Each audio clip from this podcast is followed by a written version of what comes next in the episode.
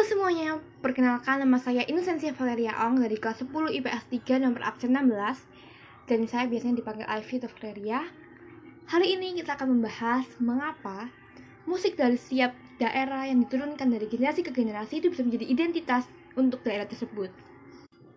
Karena yang pertama, mereka pastinya diperkenalkan oleh nenek moyang mereka tentang musik tersebut dan diturunkan dari generasi gener ke generasi dan ketika mereka berinteraksi dengan orang di luar daerah tersebut, mereka secara langsung akan menunjukkan tentang musik yang mereka pakai.